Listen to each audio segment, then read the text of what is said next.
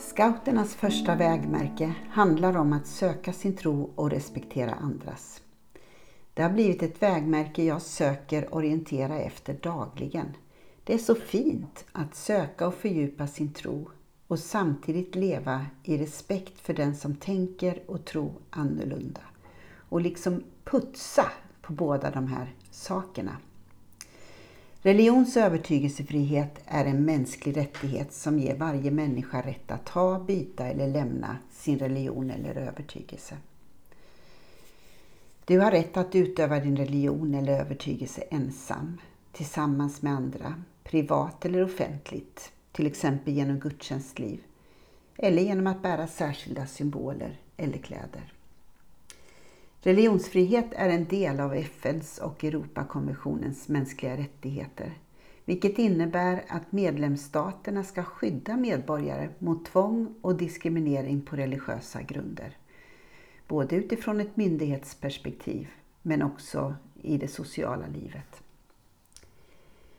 Och ändå lever mer än tre fjärdedelar av världens befolkning i länder där religions och övertygelsefriheten kraftigt begränsas. Och dessa kränkningar hindrar människor från att leva sina liv fullt ut och motverkar utveckling av jämställda, fredliga och demokratiska samhällen. För religions och övertygelsefriheten är en central rättighet i relation till internationellt utvecklingsarbete. Det är utmanande för olika religioner att samexistera och att leva i dialog med varandra. Och samtidigt är det den enda vägen till en jämställd, fredlig och demokratisk utveckling. Därför tycker jag så mycket om att söka sin tro och respektera andras. Ekumeniakyrkan stöder arbete för religionsfrihet i Centralasien där är friheterna begränsade. Och samtidigt så stöttar vi några få kristna i små församlingar som finns i området. Vi stöder teologisk utbildning, bibelutgivning, lokala evangelister och liksom människor som lever i social utsatthet. Vi vill arbeta för att stärka religions och övertygelsefriheten och också att den som söker sin tro ska ha verktyg för att kunna fördjupa sin tro.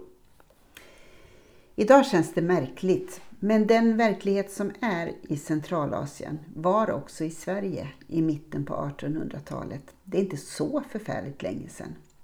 Då var religionsfriheten kraftigt begränsad och människor tvingades in i ett religiöst system. Den som trodde annorlunda och ville utöva sin tro annorlunda kunde få böta, förlora arbete eller till och med landsförvisas.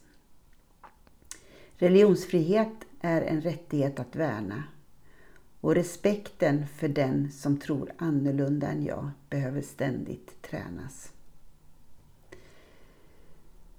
Ja, jag sa att jag tycker om scouternas första vägmärke för två saker.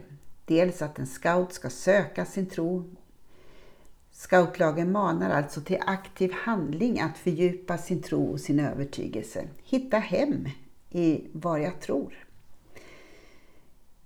Och jag är helt övertygad om att det är fullt möjligt att göra de här båda sakerna samtidigt. Fördjupa den tro jag är buren i och respektera andras.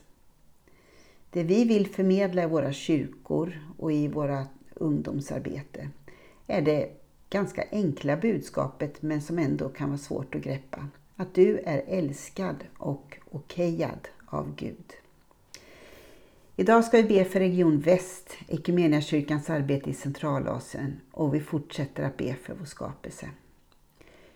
Gud, vi tackar dig för församlingar och föreningar i Region Väst. Vi ber att få vara med och göra skillnad för människor. Vi ber för barn och familjer där sommarlovet är en utmaning. Hjälp oss att vara uppmärksamma på den som behöver vår kärlek och hjälp. Så ber vi för människor i Centralasien och särskilt de som upplever förföljelse på grund av sin kristna tro. Ge dem kraft att leva i sin omvändelse. Vi tackar för våra kontaktpersoner, evangelister och ledare som varje dag står upp mot hot och ändå fortsätter sprida ditt ord. Gud, vi ber för hela jorden, vår planet. Tack för skapelsens underbara skönhet och din visdom som vävt livets alla trådar.